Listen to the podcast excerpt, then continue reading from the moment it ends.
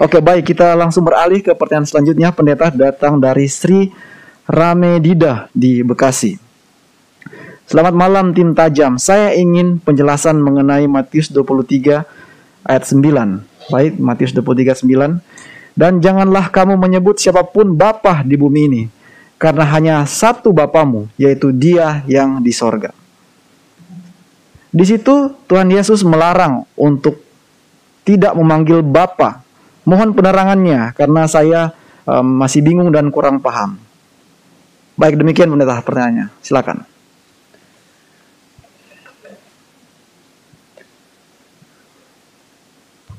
Oke, terima kasih untuk uh, pertanyaannya. Uh, ayatnya tadi di dalam Matius pasal yang ke Matius 23, 23 ya. Ayat yang ke-9 pendeta. Oke, Matius pasal 23 ayat yang ke-9. Sudah dibaca ayatnya tadi? Sudah, pendeta. Tadi di pertengahan okay. pertanyaan saya baca. Bagaimana kalau kita baca mulai dari ayat yang pertama tentang siapa Tuhan Yesus sedang berkata-kata, dalam konteks apa Tuhan Yesus mengatakan kata-kata tersebut. Coba kita baca Baik, mulai dari ayat yang pertama, kata Yesus kepada orang banyak dan kepada murid-muridnya, katanya, ahli-ahli Taurat dan orang-orang Farisi telah menduduki kursi Musa. Sebab itu, turutilah dan lakukanlah segala sesuatu yang mereka ajarkan kepadamu. Tetapi janganlah kamu turuti perbuatan-perbuatan mereka, karena mereka mengajarkannya tetapi tidak melakukannya.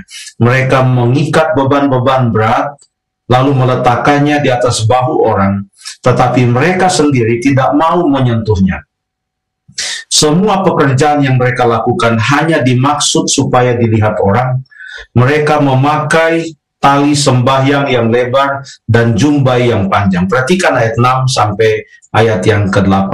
Mereka suka duduk di tempat terhormat dalam perjamuan dan di tempat terdepan di rumah ibadat ayat 7 mereka suka menerima penghormatan di pasar dan suka dipanggil rabi jadi orang-orang Farisi ahli-ahli Taurat itu yang memahami tentang hukum Musa yang memahami tentang kitab Taurat mereka adalah orang-orang yang suka untuk dihormati dan hanya mau duduk di tempat-tempat terhormat dan mereka mau supaya orang memanggil mereka sebagai rabi. Barulah dalam ayat yang ke-8 Tuhan Yesus berkata, "Tetapi kamu janganlah kamu disebut rabi, karena hanya satu rabimu dan kamu semua adalah saudara." Jadi Tuhan Yesus mau mengatakan bahwa yang namanya rabi atau guru hanyalah satu orang-orang seperti orang-orang Farisi dan ahli-ahli Taurat yang mencari hormat, yang gila hormat, yang hanya mau duduk di tempat-tempat terhormat. Lalu kemudian mereka juga bahkan meletakkan beban-beban yang berat untuk orang-orang Israel dan mereka bahkan menyesatkan orang-orang Israel. Mereka tidak layak disebut sebagai rabi Lalu kemudian ayat yang ke-9, makanya ada ayat 9, dan janganlah kamu menyebut siapa pun Bapa di bumi ini, karena hanya satu Bapamu, yaitu dia yang di sorga. Artinya, dalam konteks orang-orang Farisi ahli-ahli Taurat, mereka tidak layak disebut rabi, mereka tidak layak disebut sebagai Bapa.